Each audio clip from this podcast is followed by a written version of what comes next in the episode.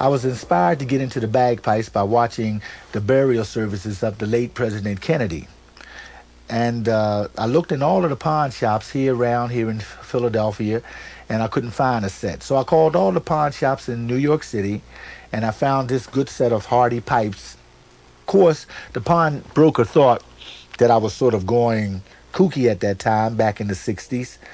And when I first saw the bag, I said, well, it wouldn't be really nothing to the instrument, nothing but a bag and a bunch of sticks.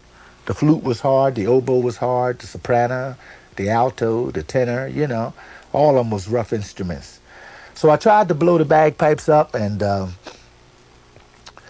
I couldn't get a sound out of it. Then I realized that, hey, this is really going to be rough.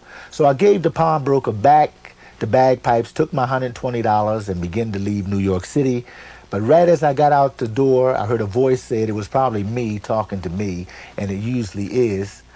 And uh, said, go back and get, get the bagpipes.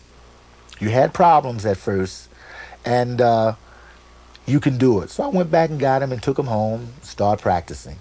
Of course, the neighbors and everybody thought they couldn't believe hearing bagpipes in the ghetto of Philadelphia. So the cops would come to the house and say, I'm sorry that we have a complaint that there's bagpipes being played here. And I would get away by saying, do I look like I'm Irish or Scottish to you?